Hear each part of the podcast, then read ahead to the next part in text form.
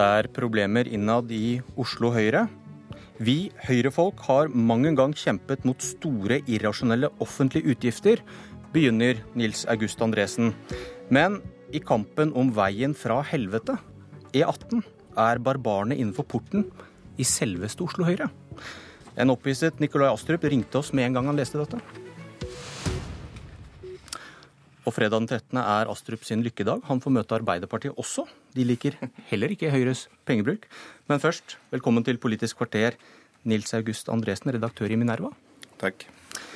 E18 skal bygges ut gjennom Akershus inn til Oslo fra vest, men omkampene de pågår på mange fronter. Du skriver at Høyre bør lede an i kampen mot distriktspolitiske særinteresser. Men når det gjelder E18, er barbarene allerede innenfor porten i selveste Oslo Høyre. Fortell. Ja, altså, ja, men Oslo Høyre er normalt eh, det lokallaget Høyre som er mest forsiktig med eh, pengebruk. Eh, og vi går mot økonomisk trangere tider i Norge. Eh, unntakstilstanden med oljebonanzaen er over. Og vi har samtidig et stort behov for infrastrukturinvesteringer. Og da er det veldig viktig å prioritere det som er samfunnsøkonomisk lønnsomt, og ikke ulike distriktspolitiske særinteresser. Og nå er, nå er altså Bærum og Asker også blitt da en distriktspolitisk uh, særinteresse. Uh, og så argumenterer de med uh, ut, regional utvikling, lokal utvikling, sånn som alle andre distrikter. Men fortell hvorfor det ikke er samfunnsøkonomisk lønnsomt. Altså, det, dette har jo vært regnet på i ulike konsekvensutredninger og i Nasjonal transportplan. Eh, og Der ser man at det er veldig dyrt å bygge, eh, og det løser ikke alle de trafikkproblemene. Det gir ikke nok gevinster samfunnsøkonomisk. Og I stedet for å basere seg på, det, som er det grunnlaget vi har for å prioritere mellom ulike samferdselsprosjekter, så sier man ja, men vi skal bygge ut uh, i Sandvika, vi skal bygge ut i Asker, og det skal bli så fint. Og man minner om Bjørvikatunnelen, det ble så fint. Og det er liksom litt, litt sånn, fra mitt perspektiv, da, en litt sånn litt for visjonær tilnærming. Oslo Høyre skal ikke være et så visjonært parti på vegne av skattebetalernes og, og bompengebetalernes penger. Nei. Nikolai Astrup, leder i Oslo Høyre, du eh, ringte å Før du da kastet deg over tastaturet. Redaktør Andresens varemerke er hans gode evne til å vurdere alle sider av en sak før han trekker en konklusjon. Artikkelen om E18 blir stående som et av unntakene som bekrefter regelen. Hvor er det han bommer? Jeg mener at det blir altfor enøyd å kun ta utgangspunkt i samfunnsøkonomisk lønnsomhet som et kriterium for eh, å ta en beslutning eh, om utbygging av et sånt prosjekt som vi snakker om her. Eh, fordi hovedårsakene til at veiprosjektet skal bygges ut, er jo ikke fanget opp i den samfunnsøkonomiske analysen. Og Parallellen til Bjørvika er veldig god. fordi Prosjektet i Bjørvika, altså å legge en seksfelts motorvei under bakken, det var heller ikke samfunnsøkonomisk lønnsomt. Eh, faktisk var det betydelig mindre samfunnsøkonomisk lønnsomt enn E18 Vestkorridor-prosjektet er. Men likevel så gjorde man det. Eh, og man gjorde det fordi at det gjorde det mulig å bygge en helt ny bydel med tusenvis av boliger, tusenvis av arbeidsplasser, rett inntil Norges største kollektivknutepunkt. Gjorde det mulig på den måten å gjøre det lettere for Oslo å nå sine klimamål. Vi fikk en helt ny bydel, vi fjernet en barriere mot sjøen. Og det veldig samme skjer med E18? Veldig mange positive effekter som ikke er fanget opp i den samfunnsøkonomiske analysen. Kø er f.eks. heller ikke fullt ut fanget opp i en samfunnsøkonomisk analyse. Det man gjør med E18 Vestkorridoren, Eh, det er jo å gjøre mulig en byutvikling i både Sandvika, Asker, Holmen og Høvik som Oslo er helt avhengig av. Fordi at eh, Hvis ikke man klarer å fortette Asker og Bærum, så kommer man til å få mer spredtbygd boligvekst. Da blir det mer bilbasert transport. Da blir det vanskeligere både for Akershus og for Oslo å nå sine klimamål. Så vi trenger det lettere og enklere å reise kollektivt, ikke minst i rushen i Akershus. I Oslo reiser 80 eh, kollektivt i rushen allerede, takket være Høyres satsing på kollektivtrafikk da vi satt i byråd. Eh, mens i Akershus er andelen bare 25 okay. Glem, Og Da må vi bygge rundt jernbanestasjonene. Da må vi sørge for at vi får et egen separat bussfelt. Da må vi sørge for at det blir lettere å sykle. Eh, og dette prosjektet vil realisere alle de tingene. Men ingen av de elementene er fanget opp i den samfunnsøkonomiske analysen som Nils August Andresen ensidig tar utgangspunkt i. Så han, okay. han bommer på det store bildet. Glemmer du bosettingsmønsteret når du konkluderer? Nei, altså det er mye som ikke fanges opp i en, uh, i en sånn samfunnsøkonomisk analyse. Det er jeg helt enig i. Og så er spørsmålet hvordan man vurderer de andre uh, elementene. Men det er viktig å huske at E18 er ikke, altså Vestkorridoren E18 er ikke funnet opp som det Nikolai Astrup her sier, det er ikke funnet opp som et byutviklingsprosjekt. Det er funnet opp som et samferdselsprosjekt, og det er utredet som et samferdselsprosjekt. Men likevel, det er argumentet hans om at hvis man bygger masse boliger der, Ja. Så går man i pluss på en måte, Ja. fordi man slipper å bosette spredt, da. Men skulle man gjort eh, det, så måtte man utrede prosjektet som det til å begynne med. Da ville man ikke endt opp med denne løsningen. Da ville man funnet på en annen løsning som var billigere for å ivareta akkurat de formålene. Man skal huske på at det er mange andre negative konsekvenser, konsekvenser som ikke fanges opp i denne samfunnsøkonomiske utregningen. F.eks. det som heter indusert trafikk. Så når du får en bedre vei, så vil, eh, og det er mindre kø, så vil folk pendle til Oslo fra lengre avstander. Altså det motsatte av det Nikolai Astrup sier. Og det eh, Petter Ness f.eks. ved eh, Universitetet i Ås, han eh, regner på dette og sier at det er en veldig betydelig effekt. Vi får, vi får folk som bor da i Drammen, folk som bor i Lier, som vil pendle i større grad til Oslo med bil. Og vil ødelegge mye av den effekten. Jeg må spørre deg, Astrup, for i, i, i Nasjonal transportplan så står det at denne utbyggingen ikke er samfunnsøkonomisk lønnsom. Det er det regnet på, ikke sant, som dere begge diskuterer nå. Og så sier regjeringen at man vil at samfunnsøkonomisk lønnsomhet nå skal veie tyngre når man skal prioritere utbygginger. Og du sitter jo og skroter alt dette nå. Nei, Vi, skal ikke vi kan, ikke, kan ikke se på disse utregningene. Vi kan ikke prioritere på Nei. bakgrunn av disse Men vi har aldri sagt at det skal være det eneste kriterium som skal ligge til grunn. Fordi alle vet, og det står jo også i Nasjonal transportplan da kan man putte inn hva man vil, da. Det står også i faggrunnlaget til Nasjonal transportplan at, eh, at eh, samfunnsøkonomiske analyser er en grov forenkling av virkeligheten. Så eh, det er klart, dette er en del av beslutningsgrunnlaget, og så må man gjøre en helhetlig vurdering av prosjektet.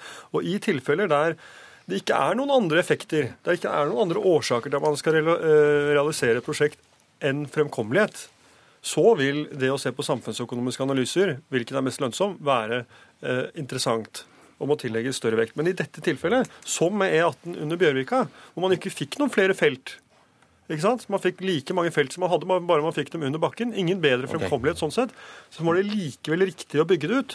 Og, eh, så eh, vi må ta utgangspunkt i samfunnsøkonomiske analyser, Eh, helt åpenbart. Men det kan ikke være det eneste. Og det er der Andresen bommer på, Han, på skal, målet. han må snart forlate oss, du skal få en kort uh, sluttkommentar. dette er gode argumenter for feil prosjekt. Dette prosjektet er tenkt som noe som skal løse fremkommelighet. Det er, det er sånn det er utredet først. Og okay. det, det man gjør, er at man i stedet setter kjempehøye bomringer på for å unngå at det skal bli flere biler på veien. Hvis du tenker på han lille mannen fra Lier som skal kjøre inn, da skal man betale mange hundre kroner for å komme inn til Oslo uten å få noe igjen for det. Ok, eh, Omkampene kommer til å fortsette, Astrup. Du får Ja, Nå slipper også Andresen å, i sitt elfenbenstårn å se på den politiske konteksten, men hvis ikke vi får på plass E18 okay. Vestkorridoren, så risikerer vi at hele Oslopakke 3 faller. Da faller også Fornebubanen, masse andre viktige prosjekter i Oslo. Så den konteksten må man også se dette prosjektet. må du snakker snakke strengt med Høyre i Asker. ja. Takk, Andresen. Astrup kan få bli. Vi skal bare bytte ut én kritiker med en annen.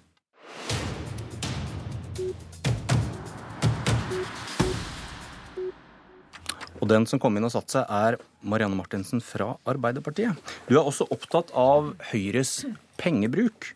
Onsdag diskuterte du oljepengebruk med Siv Jensen, men du mener Høyre bør ha et enda større problem med å se seg i speilet etter revidert nasjonalbudsjett enn Frp. Hvorfor det?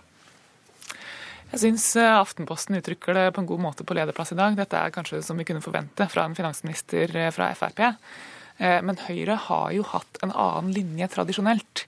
Og hvis vi husker Erna Solberg i valgkampen, så var jo mantra at man skulle prioritere hardere, gjøre Norge mindre oljeavhengig, og hun forsikra at ansvarlig økonomisk politikk det lå i Høyres ryggrad.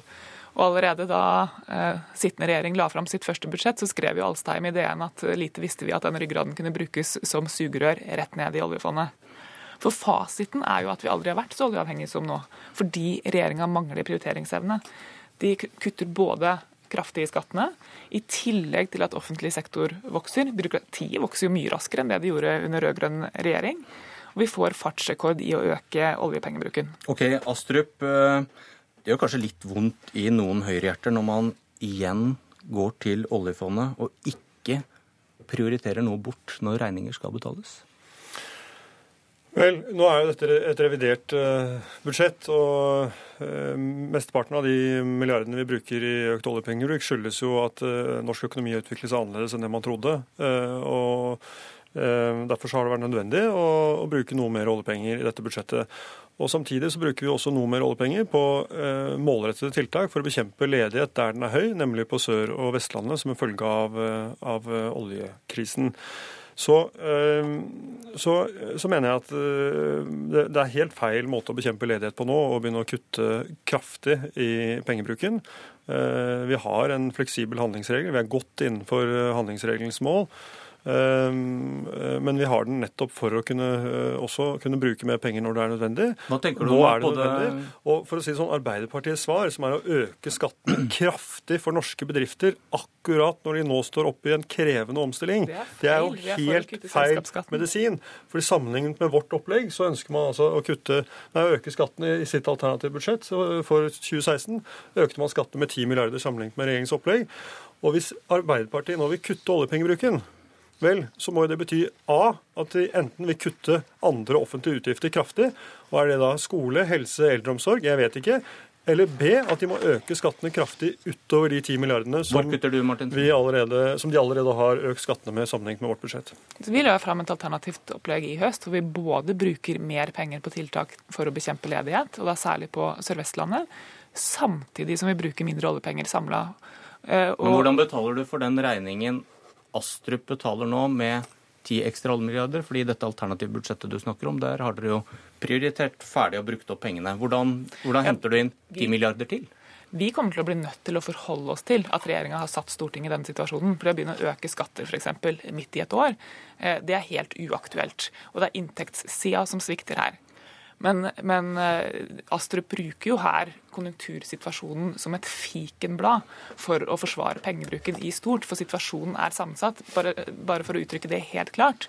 Vi er veldig for å bruke penger på Sør-Vestlandet. Mer penger enn det regjeringa kom med nå. Det lå i vårt alternative budsjett nesten en dobbelt så stor tiltakspakke. Ok, Kort i det, men, men, Astrup. Men, dette, men altså, det var bare en tidel av det som kom denne uka, som handler om å bekjempe ledighet. Resten dreier seg om at man ikke har f.eks. tatt høyde for at kommunene skal begynne å gjøre den store bosettingsjobben som kommer som en følge av at vi tar imot eh, mange flyktninger. Og dette startet ikke denne uka. Dette er, eh, dette er en del av en større trend. Men det Martinsen her sier, det er jo at hun ikke, de ikke kommer til å gjøre noe annet enn det regjeringen gjør. De kommer til å legge til grunn det samme, det samme opplegget som vi har. Og da blir jo dette fullstendig hul retorikk. Det helt innholdsløst. Fordi de anslagene som nå er annerledes for norsk økonomi, de anslagene er basert på faglige vurderinger, som er de samme faglige vurderingene som Arbeiderpartiet lente seg på da de satt i regjering. Eh, og, eh, og kan i så, så, så, i så, måte ikke lastes eh, okay. regjeringen. Og de ønsker da ikke ta høyde for dette på noen jeg vil, måte. Jeg vil spørre deg til slutt, Martensen. K-ordet, krise. Mm. Mm. Jeg er litt forvirret. Onsdag sa du at det er en regional krise men at vi må ta et nasjonalt ansvar. Mm. Så gjentar din partileder Støre senest i går at dette er en nasjonal krise fordi det er 135 000 ledige. Er, er krisen nasjonal, eller er den regional? Ja, Det er jo åpenbart at det er en krise som vi må ta på alvor nasjonalt. Jo, men det er, nasjonal... ja, men er det en nasjonal økonomisk krise, eller er det en regional? Det er dere som har åpnet denne semantiske døra ved å kreve at regjeringen, eh, kreve at regjeringen kaller det krise. Er det, Hva mener Arbeiderpartiet? Regional eller nasjonal? Det er åpenbart en nasjonal ledighetskrise når vi har 135 000 ledige. Men den krisa utspiller seg i all hovedsak på Sør-Vestlandet, og det er derfor vi må bruke eh, pengene der. Du hører kanskje, ikke på, vent, du hører kanskje ikke på Astrup, men du hører hører kanskje på sentralbanksjefen, som i går sa at det er ikke noen krise i norsk økonomi. Det er påfallende at ledigheten er begrensa til oljenære områder, uten spredning til andre områder i norsk økonomi. Kan du da kalle det en nasjonal krise? Vi har en ledighetskrise. Vi har aldri målt flere ledige i Norge. 135 000 mennesker står uten jobb. Og det er jo ganske påfallende at regjeringa bruker enhver anledning til å snakke den situasjonen ned. De vil ikke ta alvor innom seg.